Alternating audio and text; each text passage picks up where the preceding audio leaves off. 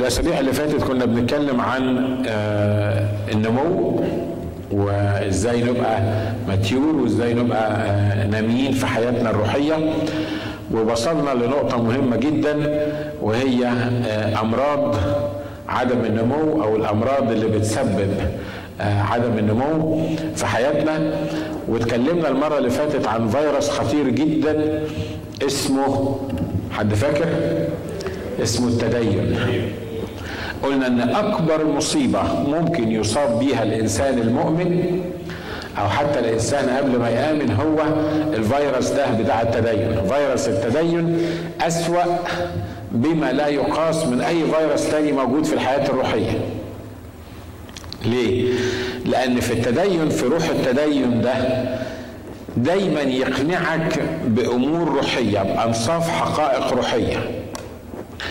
يعني الناس كلها عارفة إن الواحد المفروض ما يسرقش.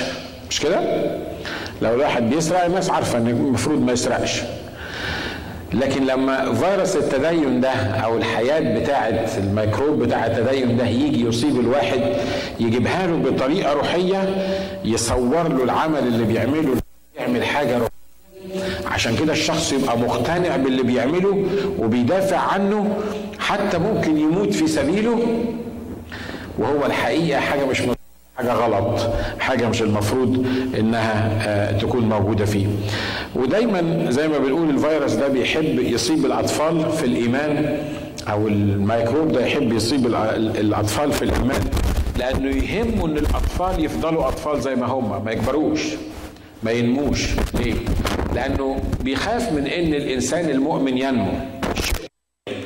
الإنسان المؤمن بعد ما بيتجدد بيدرس الكلمة بيشبع بالكلمة بيكبر في حياته الروحية بعدين بيبتدي يخدم شوية بشوية زي زي الأطفال في البيوت يبتدي يخدم شوية بشوية لما يكبر يبقى في سن ال- الاعتماد عليه في الخدمة يبتدي يبقى مسؤول عن خدمة وبعدين يبتدي يعلم الآخرين ويكبر الآخرين ودي السيركل ال- أو الدايرة اللي المفروض إحنا بنمشي فيها في الحياة الروحية.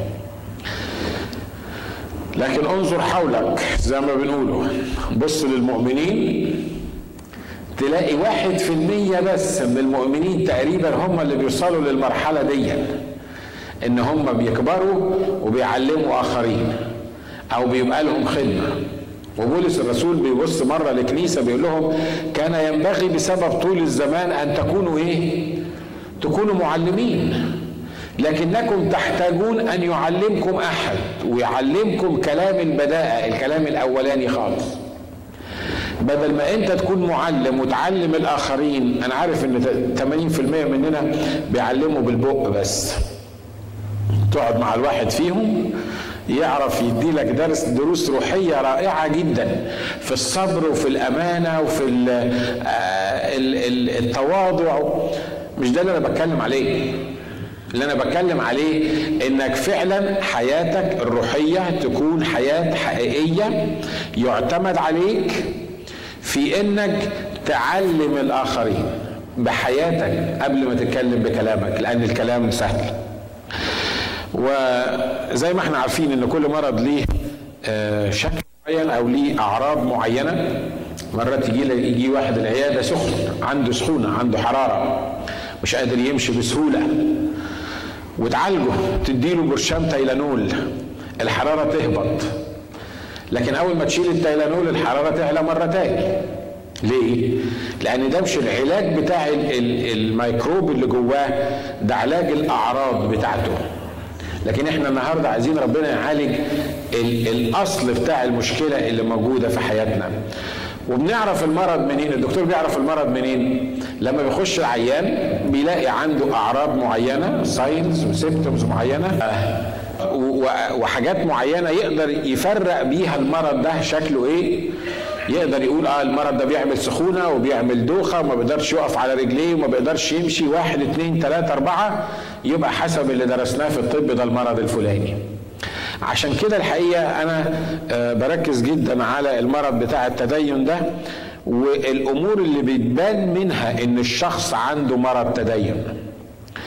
ومرض التدين زي ما قلنا مرض خطير لأنه ما بيبانش ما بيبانش إنه مرض بيبان إن ناس بتيجي الكنيسة حافظة الكتاب المقدس يعرفوا يوعظوا كويس جدا لكن لكن انت ما تاخدش بالك ما كانش عندك روح التمييز ما تاخدش بالك ان الناس دول عندهم مرض التدين وده اللي بيعمل المشكلة موجودة في الكنيسة. مرض التدين زي ما ذكرنا بعض الحاجات المرة اللي فاتت انه بيركز على العبادة الجسدية قهر الجسد وإن إزاي أعذب جسدي علشان ربنا يرضى عني. إزاي أنا أعذب نفسي علشان الله يرضى عني. مارتن لوثر وهو طالع آه، السلم 99 درجة. طالع على السلم 99 درجة. كلكم عارفين إن هو كان راهب. كان طالع على ركبه 99 درجة لأنه هو كان متخيل هو والناس اللي معاه إن ال 99 درجة دول لما يطلعها على ركبه واضح إنك أنا ما أقدرش أطلع درجة واحدة ولا درجتين على ركبي. بس كنت ما بعرفش أطلع برجليا ما أعرفش أطلع إزاي بركبي على السلم. لكن واضح إن الراجل كان قدامه 99 درجة. ما أعرفش دول يخلصوا إمتى. وكان بيعملها بقلب مخلص لأنه عايز يرضى الله. وكان فاهم إنه هيعذب جسده علشان الله يرضى عليه. جت فين في الكتاب المقدس دي؟ إنك تعذب جسدك عشان الله يرضى عليك. ما جاتش في الكتاب المقدس. غير ما موجودة في الكتاب المقدس. تقول لا خلي بالك بولس أقمع جسدي وأستعبده. خلي بالك إن أقمع جسدي وأستعبده مش عذب جسدي. انت واخد بالك من من الفرق بين الاثنين يعني إيه؟ لما بيتكلم على اقمع جسدي واستعبده ما بيتكلمش على اللحم والدم ده لأن الفكرة والمشكلة مش في اللحم والدم. كلمة جسدي هنا لما بيقول اقمع جسدي واستعبده معناها الطبيعة الجسدية الفاسدة اللي موجودة جوايا. هي دي اللي اقمعها واستعبدها مش اللحم والدم ده. الراجل طالع 99 سلم على ركبه بعد ما طلع كام خطوة كده جاله الصوت قال له أنت عارف إن غلاطيا في رسالة غلاطيا يقول أما البار فبالإيمان يحيى قال الله لما البار بالإيمان يحيى أمال أنا إيه اللي بعمله ده؟ أمال أنا طالع على ركبي ليه؟ أمال أنا عايز أرضي ربنا بالجسد ليه وبأعمال الجسد ليه؟ أمال أنا ليه بحاول أعذب نفسي علشان ارضى الله؟ الله ما قالكش عذب جسدك عشان ترضى الله. دي فكرة غير صحيحة فكرة بتدل على مرض التدين وعلى مكروب التدين اللي بيشتغل في حياة المؤمنين إن هم عايزين يعذبوا جسدهم. يقول لك إحنا لازم نعذب جسدنا ونصوم. الصوم محدش قال إن هو لتعذيب الجسد. الصوم مش عشان نعذب بيه جسدنا. الصوم بتاع التعذيب دون لما يكون عليك فرض لازم تعمله ونشكر الله في المسيحية ما فيش فرض تقول يعني ما نصومش؟ لا نصوم. بس ولازم نصوم ومهم إن إحنا نصوم. بس إحنا بنصوم مش عشان عذب جسدي عشان أرضي الله. لا الكتاب بيقول بدون إيمان لا يمكن إرضاء إيه؟ ارضاء الله. امال أنا بصوم ليه طيب؟ لما أنا مش مش مش هرضى الله بصومي. انت بتصوم علشان تطلع من الطبيعة العادية بتاعتك تطلع الروتين اليومي بتاعك. يبقى عندك وقت تعرف تتكلم فيه مع الرب وعشان تحط نفسك بين ايدين الرب عشان يغيرك. امين؟ عشان كده الناس اللي بتحاول وأنا مش بنتقد أي تقاليد موجودة في أي كنيسة لأن الله يبارك كل الكنائس وكل اللي بيقولوه. لكن الفكرة الأساسية هي إيه؟ الحاجة اللي ما يطلبهاش مني الرب أنا مش المفروض أعملها. إيه اللي يخليني اقعد اعذب في جسدي واعذب في جسدي واعذب في جسدي وأنا متخيل اني لما اعذب جسدي روحي هتنمو وروحي هتنتعش. الكلام ده مش كتابي الكلام ده مش موجود في الكتاب. الكلام ده بيدل على ان في فيروس فيه ميكروب معين في الحياة اسمه التدين اللي إحنا محتاجين نفهمه النهارده. الرسول بولس بصراحة كده في رسالة كلوسي واصح اتنين بيقول كده إذا إن كنتم قد متم مع المسيح عن أركان العالم فلماذا كأنكم عائشون في العالم؟ تفرض عليكم فرائض. لا تمس ولا تزق ولا تجس. التي هي جميعها للفناء في الاستعمال حسب وصايا وتعاليم الناس. التي لها حكاية حكمة بعبادة نافلة وتواضع وقهر الجسد ليس بقيمة ما من جهة إشباع البشرية. أظن مفيش أوضح من الكلام ده. مش كده؟ رسول بولس بيقول يا جماعة المسيحية مش بتقول إنك تعذب نفسك المسيحية بتقول إنك تموت. يعني إيه الكلام ده؟ بولس الرسول بيقول بيقول مع المسيح صلبت فأحيا لا أنا بل المسيح يحيا إيه؟ المسيح يحيا فيا. يعني أنا لما كنت في المسيح على الصليب أنا مت على الصليب ولو مت على الصليب ابقى مش محتاج اعذب نفسي علشان ارضى الله. لأن مت على الصليب وقمت مع المسيح لأن مكتوب اقامنا معه واجلسنا معه في السماويات. يبقى أنا مت وقمت مع المسيح. فالرسول بولس بيقول لهم كده لو إذ كنتم قد متم مع المسيح عن أركان العالم فلماذا كأنكم عائشون في العالم؟ تفرض عليكم فرائض. واضح إنه من أيام الرسول بولس كان في فرائض مش كده؟ كان الكهنة واللويين والكتبة والفريسيين بيحطوا فرائض على الناس لا تمس ولا تزق ولا تجس ولا تاخد ديا ولا تعمل ديا. ما تاكلش لحم خنزير وما تاكلش لبن مع لحم الخنزير. والمشكلة دي كانت هتحصل معانا في إسرائيل لما رحنا كنا بنزور هناك. وواحد كنا بناكل لحمة وحاجات كده واحدة تطوعت وسألت قالت مفيش هنا ملك؟ عايزين ملك عشان نشرب. إحنا ما كناش عارفين طبعا إن إحنا ارتكبنا الخطية التي لا تغفر لأن في إسرائيل ما يحطوش الحليب مع اللحمة ابدا دي تبقى مصيبة. الإناء اللي بيمس اللحمة ما يمسش الملك والاناء اللي يتشرب فيه ملك تبقى مصيبة لو كان موجود في ترابيزة فيها لحمة. اخترعوا الاختراعات دي منين؟ جابوها منين؟ الكتاب بيقول هنا بولس الرسول بيقول لماذا تفرض عليكم فرائض؟ ليه واحد يحط لي أصوم إمتى وما أصومش إمتى؟ ليه واحد يحط لي أصلي إزاي وما أصليش إزاي؟ ليه واحد يحكم عليا إن أنا أصلي كل ثلاث ساعات ولا أصلي كل ساعتين ولا أصلي كل ساعة؟ ليه؟ الصلاة دي عبارة عن صلة وعلاقة بالرب. الكتاب بيقول صلوا كل حين ولا إيه؟ ولا تملوا. يعني صلوا كل حين. خلي العلاقة بينك وبين الله كل حين. انت مش محتاج حد يفرض عليك انت تصلي الساعة 3 وتصلي الساعة 6 وتصلي الساعة 9 الكلام ده مش كتابي والكلام ده ما ينفعش. تقولي بس خلي بالك أخ ناجي. ما الرسل مش الكتاب بيقول صعدوا للهيكل في صلاة الساعة 9 ولا صلاة الساعة 6 ما الرسل كانوا بيعملوا كده بيحافظوا على الصلوات بتاعة 3 و6 و9 الكلام ده مش مظبوط. لأن الكتاب لما بيقول ان هم كانوا رايحين الهيكل في الساعة 6 والساعة 9 ما قالش ان هم الساعة 6 والساعة 9 والساعة 12 كانوا بيروحوا الهيكل عشان يصلوا. لأن الاشياء العتيقة قد مضت هو الكل قد صار إيه؟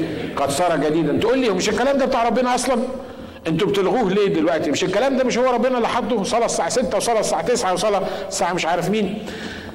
ده زي ما قال الكتاب هنا دي كانت تقاليد الناس الكهنة والفريسيين عملوها ما سمعناش ابدا في الكتاب المقدس بيقول إنك لازم تطلع تصلي الساعة 6 حد قرأ الكلام ده في الكتاب؟ حد قرأ إن حتى على اليهود كان المفروض يصلوا الساعة 9 ولا يصلوا الساعة 12 أمال جابوها منين دي؟ هنا بيقول أهو بيقول إن دي عبارة عن إيه؟ دي تعاليم الناس في الاستعمال حسب وصايا وتعاليم الناس. هم اللي عملوا الحكاية دي. فبيقول طب زمان قبل ما الروح القدس يسكن في الواحد كان طفل وكان محتاج حد يقول له تعمل إيه؟ تصلي إمتى وما تصليش إمتى؟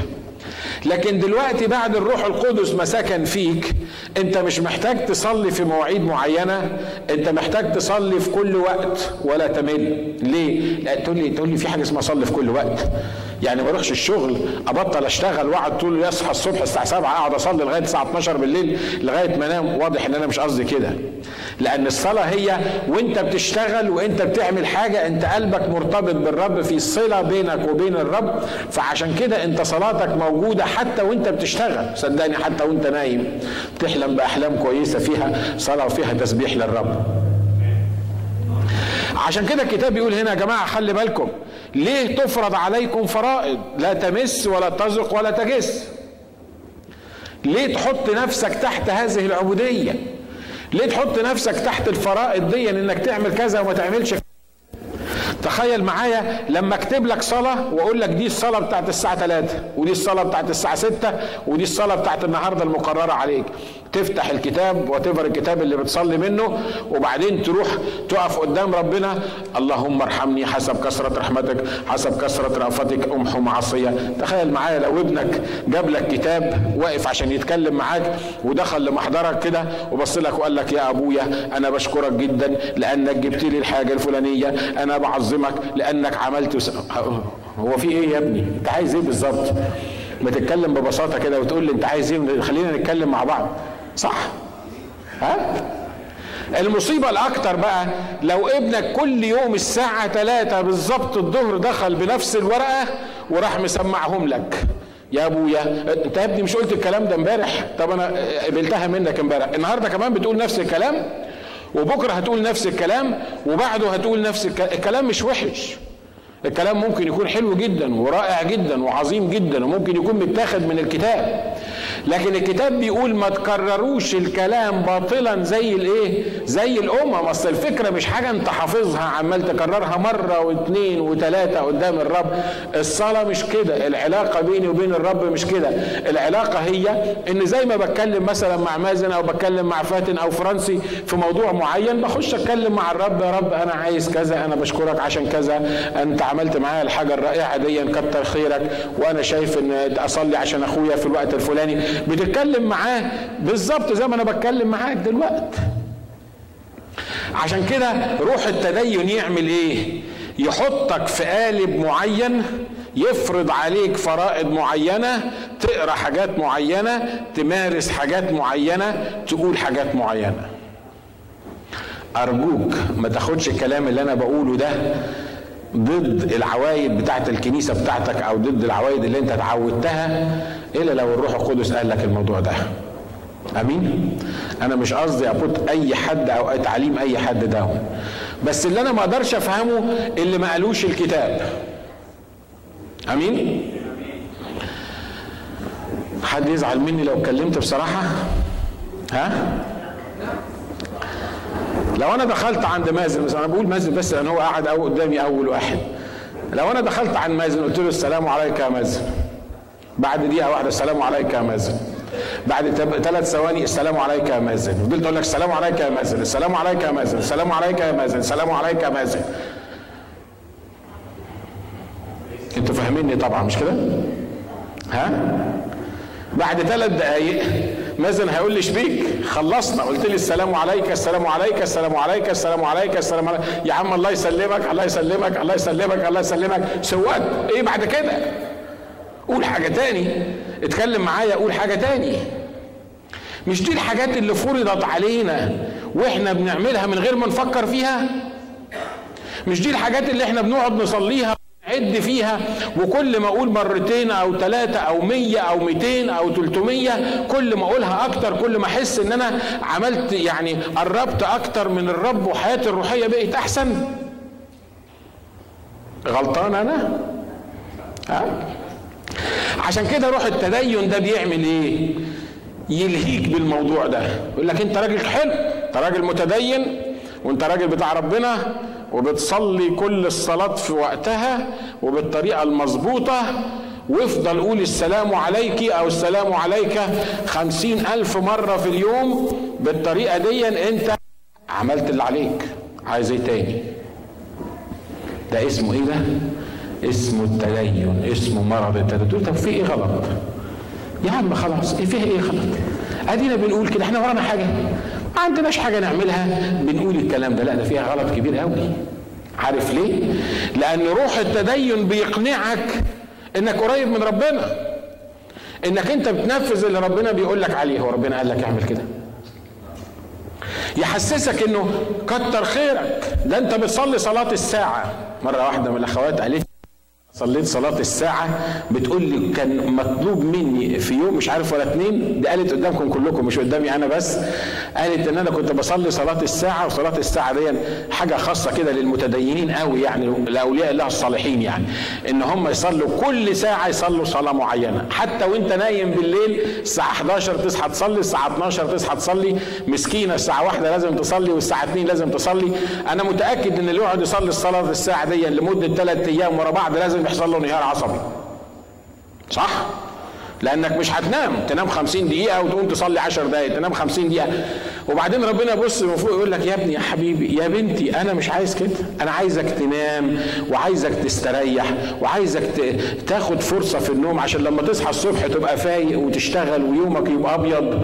لكن ما تقعدش طول الليل تقول لي كلام محفوظ عشان تاني يوم الصبح تقوم زي الفرخة الدايخة زي ما بيقولوا يومك يبقى مش أبيض. مش عايز أقول لك لونه إيه. لكن الناس بتخاف توعظ عن الكلام ده. بتخاف تقول للناس الكلام ده يقول لك الناس تزعل. الناس تبطل تيجي الكنيسة. ما انت لو قلت الكلام دون والكلام ما عجبش الناس الناس هتبطل تيجي الكنيسة. ويل أنا مهمتي إن أنا أقوله لك عشان أصحيك ومهمتك أنت إنك تتعامل مع الرب وتتصرف زي ما أنت عايز. اللي ما فرضهوش عليا الرب ما حدش يقدر يفرضه عليا. اللي الرب ما قاليش تعمله موجود بوضوح في الكتاب المقدس ما أقدرش اعمله ومش عايز اعمله ومش هعمله لأن لو عملته هتعب نفسي ومش هستفيد حاجة. الكتاب بيقول أهو في الحتة دي بيقول دي إيه؟ بيقول لك لها حكاية حكمة بعبادة نافلة عبادة نافلة يعني عبادة آه قديمة فاتت.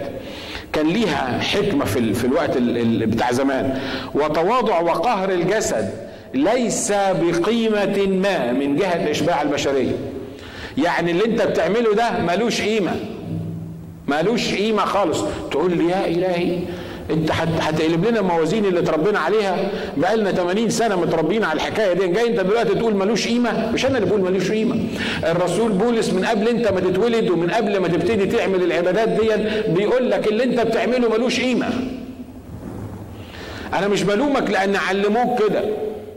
ولان علموك كده وانت انسان مخلص فانت شربت التعليم ده وبقيت تعمله. لكن أنا خلي بالك أنا بحذرك لأني مش عايزك تستمر في كده لأن في النهاية هتتعب نفسك وتوجع قلبك ومش هتستفيد حاجة. أمين؟ في ناس هيطلعوا قدام الرب يقولوا له ده إحنا كنا بنصوم أربع وجمعة لمدة خمسين سنة. ده إحنا كنا بن بنروح الكنيسة كل يوم الصبح. عشان نعمل ونسوي ونسوي ونسوي. أكتر من كده الإنجيليين هيقولوا له إيه؟ يقولوا ده باسمك تنبأنا وباسمك أخرجنا شياطين. مش أنتوا الإنجيليين عندكم إخراج شياطين وتنبؤ؟ هيقفوا قدامه يقولوا له باسمك تنبأنا وباسمك أخرجنا شياطين. هيقول لهم اذهبوا عني يا إنجيليون. عارف ليه؟ لأن أنا ما قلتلكمش كده. أنا ما عرفتكمش. أنتوا ما كنتوش في يوم من الأيام معايا بالطريقة اللي أنا عايزها. الحاجة التانية في رسالة كولوسي واللي بيعملها فينا روح التدين عبادة القديسين والملائكة. كنت مع واحد واحد كنت مع واحد من ثلاث أيام قاعدين في مكتب كده أنا وهو قاعدين بنتكلم. بعدين رجع ورا كده قال لي إيه؟ هو المكتب بتاعه مليان صور قديسين. قال لي بس أنتوا ما بتؤمنوش بالقديسين. قلت له إحنا مين؟ ما بنؤمنش بالقديسين. أنتوا الانجيليين ما بتؤمنوش بالقديسين. قلت له يعني نؤمن بيهم إزاي؟ ومين هم القديسين؟ راح مشاور لي على واحد على الحيطة قال لي يعني الراجل ده اللي قاعد أربعين سنة حابس نفسه في المكان ده ده قديس ولا مش قديس؟ قلت له قديس. قال لي ليه ما تؤمنوش بيه؟ قلت له لا إحنا نؤمن انه قديس. ونحب نتمثل بسيرتهم. ونحب ان ربنا يعني يستخدمنا زي ما استخدمه. بس السؤال الراجل ده مين قال له اقعد 40 سنة قافل على نفسك أوضة؟ مين قال له؟ مين قال له؟ اللي أنا عارف إن الكتاب ساعة ما الرب طلع جمع تلاميذه وقال لهم اذهبوا إلى العالم أجمع وأكرزوا بالإنجيل للخليقة إيه؟ أنا بقى جيت قلت له اسمع أنا بحبك وعايز أقعد معاك. ومليش إلا أنت وأنت كل حاجة في حياتي. أنا هقول لك الف... أنت بتقول لي اذهبوا للعالم أجمع؟ لا أنا هروح أقعد في الأوضة دي وهقفل على نفسي وهاكل مية وملح لمدة 40 سنة. هصلي لك واعبدك واشكرك واحمدك وهقعد 40 سنة مش هطلع من الأوضة دي أخش الحمام بس وبعدين أجي هنا أكل نص رغيف في اليوم بمية وملح. تفتكر الرب يقول لي إيه؟ هيقول لي خليك احبس نفسك لمدة 40 سنة لمدة 50 سنة زي ما أنت عايز. لكن خلي بالك الوصية اللي أنا بديها لك هي إيه؟ أنا أصلا عرفتك نفسي ليه؟ أنا جددتك وخلصتك ليه؟ مش عشان تحبس نفسك في أوضة وتحط هالة حوالين نفسك لكن أنا بقول لك اطلع النهاردة من نفسك وروح للناس كلمهم عن المسيح. لو رديت واحد بس عن ضلاله هتبقى عملت عمل رائع ليا أحسن ما تقعد 40 سنة ما تعمليش شغل. صح اللي أنا بقوله؟ أنا ما بقللش ابدا من من من من روحانية الناس دي ما بقللش ابدا من إن هم فعلا نفسهم يرضوا الرب ونفسهم يقعدوا مع الرب ونفسهم لكن خلي بالكم إن كل واحد هيقعد مع الرب وهيشبع بالرب هيبقى جواه حاجة إن هو عايز يشارك الرب مع الآخرين. فمش هيقدر يقعد 40 سنة في مكان ولا 10 سنين ولا خمس سنين. تقول لي مش الكتاب المقدس وخلي بالكم هنتكلم عن الموضوع ده. دايما روح التدين يجيب لك شوية آيات ويلويها كده. في نقطة خاصة للموضوع ده. يقول لك يعني يلوي لك الآيات كده علشان يقول لك مش الرب قال للتلاميذ أما أنتم فتعالوا إلى موضع خلاء واستريحوا قليلا. صح؟ قال لهم بس قال لهم زي ما بنقول إيه؟ استريحوا قد إيه؟ وتعالوا أنتم لموضع خلاء عشان تعملوا إيه؟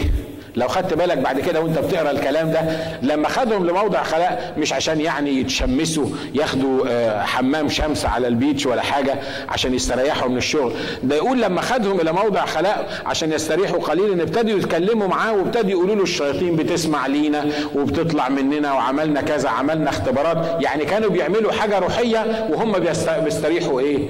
بيستريحوا قليلا. الكتاب هنا في رسالة كلوسي بيقول الكلمات دي يعني بيقول فلا يحكم عليكم أحد. خلي بالكم الأول قال لك ما فرضش عليك حد ودلوقتي بيقول فلا يحكم عليكم أحد في أكل أو شرب أو من جهة عيد أو هلال أو سبت التي هي ظل الأمور العتيدة.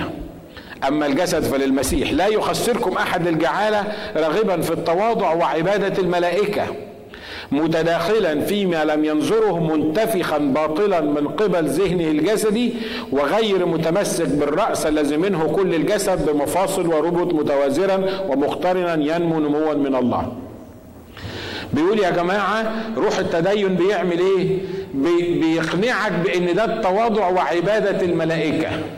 يمكن قلت لكم الحكاية دي زمان. كان في وقت معين يجي حد يخبط على الباب بتاعنا جايب لنا فطير.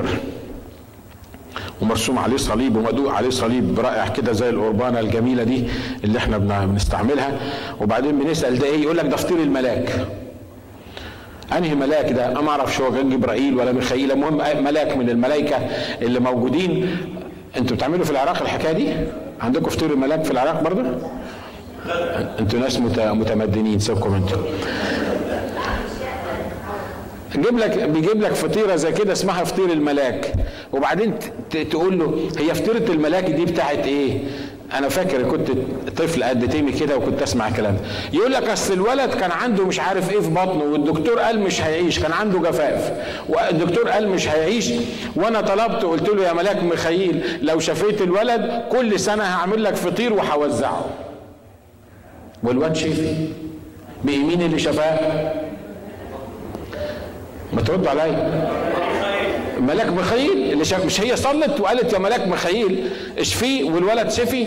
فدخل في دماغها إن الملاك مخيل هو اللي شفاه. عشان كده في كل مرة في كل سنة تيجي في الوقت يا إما بتاع العيد بتاع الملاك ده أو في الوقت اللي الواد شفي فيه تروح عاملة فطير الملاك. إحنا طبعا كنا هو حقيقة طعمه حلو يعني كان ممتاز.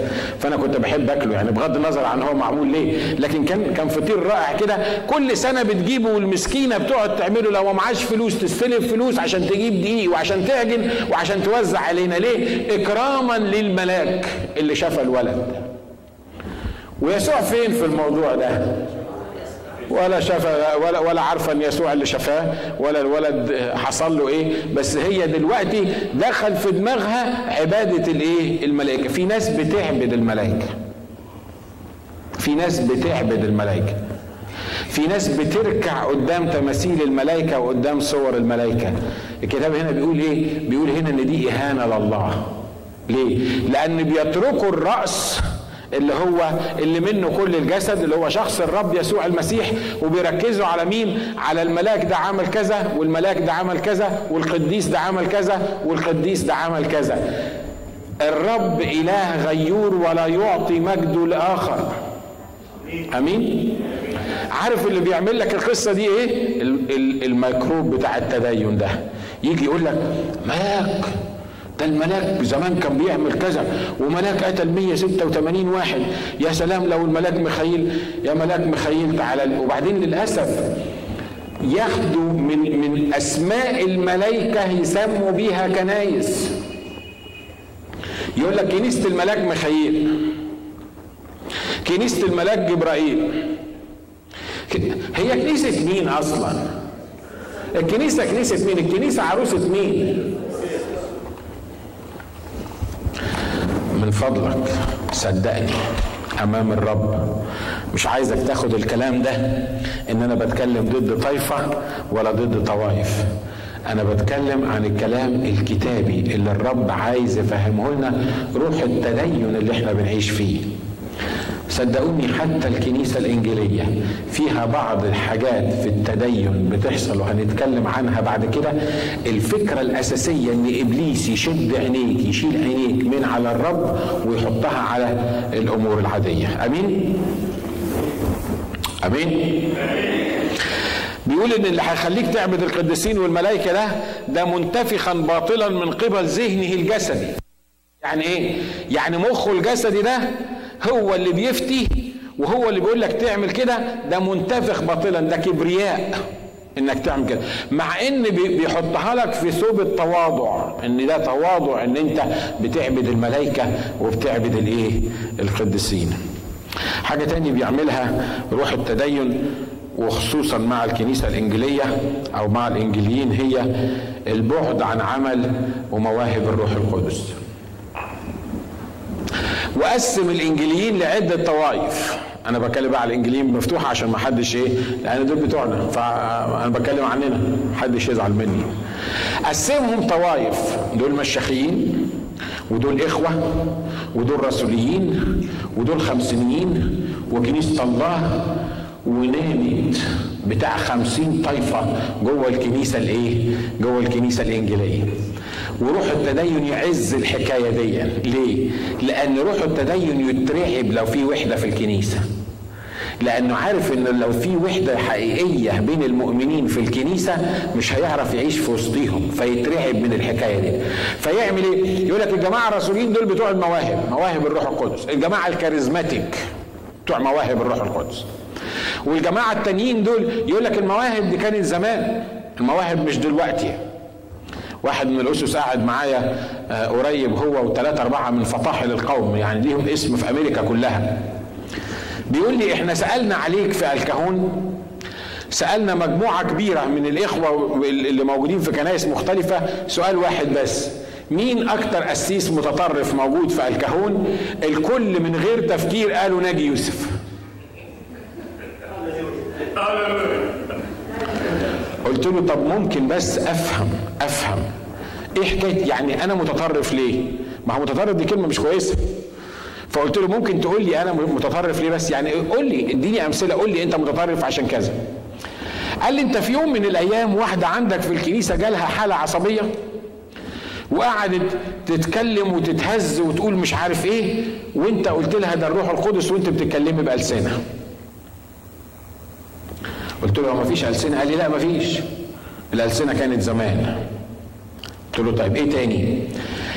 قال لي الراجل اللي كان في نيجيريا اللي قام من الأموات ده اللي بعضكم شاف الشريط بتاعه وبعضكم تطوع ان يروح يودي الشريط عشان يعلمهم الحكاية دي فهم شافوا الشريط قالوا لي أنت كنت موافق على إن الراجل ده قام من الأموات. قلت لهم طب طب وده تطرف؟ قالوا لي آه. قلت لهم أنتوا ما بتؤمنوش إن ربنا بيقوم من الأموات؟ قالوا طبعا نؤمن إن ربنا قوم من الأموات بس الراجل ده قام من الأموات. أنتوا بتؤمنوا إن ربنا بيقوم من الأموات؟ ما يقدروش يقولوا لا لأن ربنا يقدر يعمل أي حاجة مش كده ولا إيه؟ لكن قلت لكن التطرف اللي أنت فيه إنك بتؤمن إن ربنا قوم الراجل ده. طب اشمعنى ربنا بيقوم من الأموات بس ما يقومش الراجل ده؟ ولما أنا أؤمن إن الراجل ده اللي قام أبقى متطرف. يقولوا لي ما بيقومش دلوقت. ليه؟ ما بيقومش ليه دلوقت؟ إيه اللي هيخلي ربنا ما يقومش؟ مش يسوع مكتوب عنه إن هو أمس واليوم وإلى الأبد؟ مش لما كان ماشي على الأرض قوم اموات مش يقدر لغاية آخر لحظة في في الدنيا يقوم اموات لما واحد قام من الأموات وأنا كنت قاعد باكل معاه وبيحكي لي عن السماء فيها إيه وجهنم فيها إيه والكلام ده محطوط في شريط وبيلف الدنيا كلها والراجل بيقول اختباره قدام الناس اللي مات من مات قدامهم من الأموات. أنت معايا؟ ها؟ لكن اللي يؤمن بالموضوع ده يبقى إيه؟ ليه؟ لأن المرض بتاع الريليجيوس سبيريت يخليك تبعد عن مواهب الروح القدس. عارف ليه؟ لأن إبليس ما يحبش مواهب الروح القدس. إبليس ما يحبش حد يبقى عنده موهبة شفاء ولا موهبة إخراج شياطين ولا المواهب المختلفة دي. عارف ليه؟ لأنك لما تمارس المواهب دي كأنك بتقول للناس تعالوا شوفوا يسوع حي أهو. يسوع بيشفي.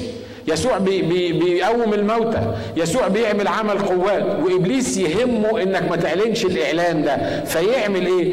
يقنعك إنه يا راجل اعقل الكلام ده كان في أيام الرسل. الكلام ده في أيام الرسل مش في ايامنا إحنا هنا في الأيام ديت. الكلام ده كان زمان قبل الكتاب المقدس ما يتكتب. ويقنعك إن مفيش حاجة اسمها مواهب الروح القدس. ولو اقتنعت إن مفيش حاجة اسمها مواهب الروح القدس مش هتطلب مواهب الروح القدس. صح؟ ولو ما طلبتش مواهب الروح القدس هتعيش مؤمن تعبان عادي. مش متوقع منك أي حاجة. كتر خيرك إنك بتيجي تسمع الوعظة وتاخد بعضك وتمشي. من غير مواهب الروح القدس مش هتقدر تشوف واحد مريض وتصلي له ويشفى. ما تقدرش. ليه؟ لأنك ما بتؤمنش بكده. الكتاب بيقول من يتكلم بلسان يشفي يبني إيه؟ يبني نفسه. إبليس عارف إنه لو أقنعك إن مفيش تكلم بألسنة يبقى مش هتبني نفسك. ويروح لفف لك الحقائق يقول لك ما أنا بتبني من الكتاب المقدس ما أنا بتبني من الترانيم اللي موجودة لكن ما بتتبنيش من التكلم بالسنه وبعدين يروح لازق الفكرة بتاعت التكلم بالألسنة دي في الرسوليين في الجماعه الرسوليين أو جماعة الخمسينيين. ولما تيجي تتكلم يقول لك اصله رسولي كوكو يعني مخه تعبان. اصله رسولي ولا خمسيني ده عشان كده ما عشان كده بيؤمن بالحاجات العبيطة دي. وبعدين يجي لك على غفلة كده يقول لك إيه؟ أنت عارف التكلم بالألسنة دي هم الناس دول فاهمين هم بيقولوا إيه؟ دول بيقولوا تي تي تي تي بي بي بي بي, بي, بي حاجات من كده. طب تقدر تفسرها لي؟ تقدر تفهمهاني مع إن بولس الرسول قال ده بولس الرسول نفسه قال لما أنا بصلي بالروح لما بتكلم بألسنة يبقى ذهني بلا إيه؟ ذهني بلا ثمر معناها إن أنا مش فاهم أنا بقول إيه. أنا أنا أنا مش فاهم أنا بقول لما الرسول بولس كان بيتكلم بألسنة وما فهمش هو كان بيقول إيه. أنا جاي بعد 2000 سنة أقول لما بتتكلم بألسنة وما بتفهمش يبقى تسكت. ما أنت مش هتفهم. تقول لي طب والحاجة اللي ما تفهمهاش تعمل في حياتك إيه؟ هو أنت فاهم كل حاجة؟ ولا أنا فاهم كل حاجة؟ ما أقل الحاجات اللي إحنا فاهمينها في الكتاب المقدس مش كده؟ ولو كنت متخيل إنك فاهم صدقني بطمنك النهارده إنك مش فاهم. ولو قعدت تفهم من هنا 20 سنة برضه بالنسبة للكتاب المقدس هتبقى مش فاهم. لأن دي كلمة الله الكبيرة. وروح التدين يقول لك سيبك من حكاية مواهب الروح القدس سيبك من موضوع الروح القدس ده سيبك من الجماعة الخمسينيين والرسوليين دول. الكلام ده ما كتبش للخمسينيين والرسوليين الكلام ده اتكتب للمؤمنين. بولس الرسول بيقول لهم أنا عايزكم تتكلموا بألسنة بيقول لهم أشكر الله إن أنا بتكلم بألسنة أكتر من جميعكم. بولس الرسول كده بيقول كده. بس يطلع روح التدين يقول لك خلي بالك بولس الرسول بيقول إيه؟ بيقول للكنيسة في كورنثوس أنا عايز لما أجي لكم أتكلم خمس كلمات بالذهن أحسن من عشر تلاف كلمة بالألسنة اللي أنتوا ما تفهموهاش. أنا بقول لكم على الحاجات اللي أنا بقابلها اللي بيقولوها لي في البتاع ده. واحد قال لي قال لي يا اخ ناجي مش تخلي بالكم من الكتاب؟ انت بتتكلم بألسنة وكنيستك بتتكلم بألسنة. وبعدين خلي بالكم من الكتاب ده بولس الرسول نفسه في الكنيسة قال أنا أتكلم خمس كلمات بذهني بمخي أفضل من عشر تلاف كلمة بالألسنة. خلي بالك إن بولس الرسول كان بيكلم الكنيسة بيقول لهم أنا لما أكلمكم لو كلمت خمس كلمات بذهني أنتوا تفهموها لكن لو أنا واقف دلوقتي على المنبر وماسك الميكروفون وبتكلم بألسنة. قلت عشر تلاف كلمة بألسنة. وانتوا ما استفدتوش حاجة ما عرفتوش حاجة ما فهمتوش حاجة. يبقى هنا اللي بولس الرسول بيتكلم عليه مش الألسنة اللي بينك وبين الله اللي انت بتتكلم بيها وبتبني نفسك الألسنة للكنيسة. واضحة الحتة دي؟ ها؟ لأن في أكتر من نوع من الألسنة. الكتاب بيقول من يتكلم بلسان يكلم الله بسرائر. في أسرار بينه وبين الله. الروح اللي موجود جواه بيكلم الله بسرائر. عشان كده بيبني نفسه وهو موجود. ودي ما حدش سامعها لكن لو أنا مسكت الميكروفون وفضلت أتكلم بألسنة وأتكلم بألسنة وأتكلم بألسنة لمدة تلت ساعة ومحدش فيكم فاهم ومفيش حد بيترجم هتكون النتيجه فعلا لو دخل واحد مرة يقول مخبل ده اللي واقف على المنبر بيقول إيه؟ مش يقول لنا حاجة نفهمها؟ ده الكلام اللي قاله بولس الرسول قال أنا في الكنيسة بصوت عالي للناس أتكلم خمس كلمات ولا عشر كلمات بذهني أحسن ما أتكلم عشر تلاف كلمة بالألسنة والناس قاعدة مش فاهمة. ده مش معناه إن بولس الرسول قال ما فيش ألسنة. ده بالعكس ده بولس الرسول بيقول في ألسنة وأنا بتكلم بألسنة أكتر من جميعكم وعايزكم تجدوا للمواهب الحسنى. وعلى فكرة لو أنت ما بتتكلمش بألسنة أنت سامعيني اللي موجودين قدامي دلوقتي. لو أنت ما بتتكلمش بألسنة أنت فاقد حاجة كبيرة روحية بركة كبيرة من الرب. مهما كانت قامتك الروحية أنت محتاج إنك تتكلم بألسنة من الرب والرب يديك ألسنة وأمين يديك ألسنة كمان للكنيسة يكون في حد يترجمها. في ناس فاتحة بقى مش عايز تقول أمين. أمين؟ It's not optional. مواهب الروحية مش مش بمزاجك. مواهب الروحية محطوطة عشان تستخدمها عشان الرب يستخدمها. لكن عرض من أعراض الحالة دي بتاعت روح التدين يقول لك سيبك من الكلام ده سيبك من الكلام ده. أهو اللي واقف على المنبر ده كم واحد صلى له ومات؟ ده بيوعظ بس ده بيوعظ. ما يقولكش كم واحد صلينا له ككنيسة والرب شفاه من سرطان والرب شفاه من من من كدني ستون والرب شفاه من القلب والرب شفاه من الكلى اللي بايظة والرب شفاه من الكبد اللي كان هيحصل له مش عارف مين وشفى مئة ألف حاجة. ما بيفكركش بالحكاية دي يفكرك بالوحدة الوحيدة اللي صلت لها وماتت. صح؟ مش بيحصل الكلام ده؟ ما يقولكش إزاي ربنا عطلك نبوة من خلال خمسة ستة وإزاي الرب استخدمهم في حياتك؟ ما يفكركش بالموضوع ده. يفكرك بالمرة الواحدة. اللي جالك واحد ما تعرفوش منين وقال لك الرب بيقول لك كذا ويمكن كان بيقولها لك فعلا حقيقي وأنت ما استقبلتهاش ويقول لك ما حصلتش. شوف كذابين ده اسمه إيه ده؟ ده اسمه روح التدين. اللي بيحاول إن هو يلوي الحقائق بتاعتنا. هخلص بسرعة. آخر حاجة أقولها لك وبعدين نكمل بعدين. روح التدين دايما يخليك تركز على الأعمال مش بالإيمان. في أفسس 2 بيقول الكلمات دي بيقول بالنعمة أنتم مخلصون بالإيمان. وذلك ليس منكم هو عطية إيه؟ الله. ليس من أعمال كي لا يفتخر أحد. الكتاب بيقول بدون إيمان لا يمكن إرضاء الرب. يبقى أي حاجة هتعملها مش هتشتري لك السماء مش هتدخلك السماء لأن دخول السماء على حساب دم الرب يسوع الإيه؟ يسوع المسيح. لكن روح التدين يقول لك إيه؟ يا راجل الجماعه دول الجماعة دول متعبين قوي يعني ما نعملش أعمال كويسة؟ يعني من من من يعني ما نعملش حاجة مش عايزيننا نعمل أعمال كويسة. خلي بالك مين فيكم يقدر من نفسه يعمل أعمال كويسة ويداوم على الحكاية دي محدش يقدر مش كده؟ ها؟ صدقني حتى أعمال الرحمة والبر والخير اللي أنت بتعملها معظمها بيبقى لينا هدف فيها. مش كده؟ البعض بيعمل عشان يبين إنه عمل والبعض بيعمل لأنه عواطفه يعني تعبت على الناس دي فعمل الحكاية دي. لكن جدا اللي بيعمل حاجة من قلبه حقيقي بالإيمان للشخص التاني المحتاج. عشان كده روح التدين يفهمك إن إرضاء الله إنك تعمل. ويجيب لك آيات. يقول لك أهو شوف الرسول يعقوب بيقول إيه؟ بيقول الإيمان بدون أعمال ميت. يعني إيه؟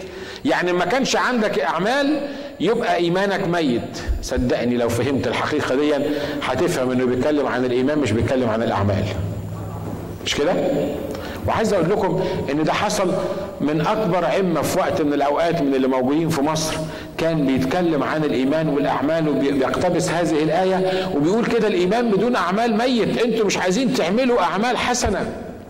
أنتوا بتعلموا الناس ما يعملوش حاجات كويسة. أنا علمتكم إن أنتوا ما تعملوش حاجات كويسة. أنا بقول يا جماعة اللي يتولد المسيح جواه اللي يعيش المسيح جواه غصب عنه هيلاقي نفسه زي الشجرة الحقيقية الجيدة اللي بتطلع ثمر جيد. آمين؟ تفتكروا الشجرة بتعاني عشان تطلع ثمر؟ الشجرة يعني بتحاول تطلع ثمر؟ لا هو معروف زمان الإسمار بتاعها كل الحكاية ما دام بتاكل وتشرب صح كل الحكاية ما دام عايش صح مع الرب تلقائيا الشجرة بتطلع ثمر. تفتكروا الشجرة لما بتطلع ثمر بتزعل لما واحد يمشي تحتيها كده ويروح واخد برتقانة مثلا ولا تفاحة وواكلها؟ بتقول له انت عملت كده ليه؟ ده الثمر بتاعي ده التفاح بتاعي ده ده ده البرتقال بتاعي ده العنب بتاعي. أنا مش بطلعه لك انت علشان تاكله لكن ده ده بتاعي أنا بتاع شجرة التفاح. لا. الشجرة بتطلع ثمر تلقائي علشان الشيء الطبيعي ان حواليك ياكلوا منه. صح؟ عشان كده لما روح الله يسكن فيك ويسوع يبقى ساكن جواك ما تقدرش ما تطلعش ثمر. ما تقدرش. عارف لو حبيت ما تطلعش ثمر لو حبيت تمسك نفسك عن عمل الخير ما تقدرش. ليه؟ لأن الشجرة الحقيقية اللي موجودة جواك هتطلع ثمر وثمر كتير والكتاب بيقول كده إن اللي بيجيب ثمر الرب بيألمه كده ليأتي بثمر إيه؟ أكثر بيقول بهذا يتمجد أبي أن تأتوا بثمر ويدوم إيه؟ ويدوم ثمركم بس الروح التدين ومرض التدين ما بيقولش كده مرض التدين بيقول لك اعمل عشان ربنا يرضى عليك ببساطة هقول لك ربنا يرضى عليك إزاي عارف ربنا يرضى عليك إزاي لو جيت قدامه وقلت له أنا لا عارف أعمل ولا عارف أسوي وعايز روحك القدوس يشتغل جوايا ويخليني أعمل الأعمال الصالحة اللي سبقت فاعددتها لكي ما أسلك فيها في أفسس 2 عارف الرب لما يلاقيك كده بتواضع بتقول له الكلمتين دول صدقني يعمل في حياتك ثمر رائع جدا. آمين. يا ترى الرب كلم حد في حاجة في حياته النهارده؟ رب شاور على حاجة معينة. أنا عارف إنه صعب إن هو الرب يشاور على حاجة تربيت عليها بقالك 50 سنة. صعب صعب. حاجة مقتنع بيها بقالك 20 سنة بقالك 30 سنة. صعب إنك أنت تغيرها. لكن خلي بالك اوعى تكون مصاب بمرض التدين ده. وانت موجود في الكنيسة وأخ حلو معانا وأخت حلوة جميلة معانا ما عندناش مشكلة في الموضوع لكن خلي بالك اوعى تكون مصاب بمرض التدين لأن مرض التدين هيخليك تبقى هانديكاب هيخليك معوق مش هيخليك تكبر مش هيخليك تنمو لكن ما تخليش حد يحكم عليك لا في أكل ولا في شرب ولا في عيد ولا في هلال ولا تعمل إيه ولا تروح مين ولا حتى اللي واقف على المنبر ده. لكن أنت اقبل من الرب الأعمال الصالحة اللي سبق فأعدها عشان نسلك فيها وهتكون النتيجة إنك هتكبر وهتكبر وهتكبر وهتبقى مسؤول عن الخدمة وهيبقى بعد كده الرب بيستخدمك في إنك تكبر آخرين وبعدين السيركل يفضل يلف وتجيب أولاد في الإيمان والرب يخلي أولادك يكبروا في الإيمان وبعدين يبقوا معلمين وبعدين يجيبوا أولاد في الإيمان. ولما تروح السماء تقدر تقول للرب بكل تواضع مش بكل افتخار إن هم دول الناس الناس اللي انت عطتهمني واتمنتني عليهم وأنا بقدمهم ليك مرة تاني. ناس ناضجين مش مرضى مش عيانين. آمين. مجدا للرب.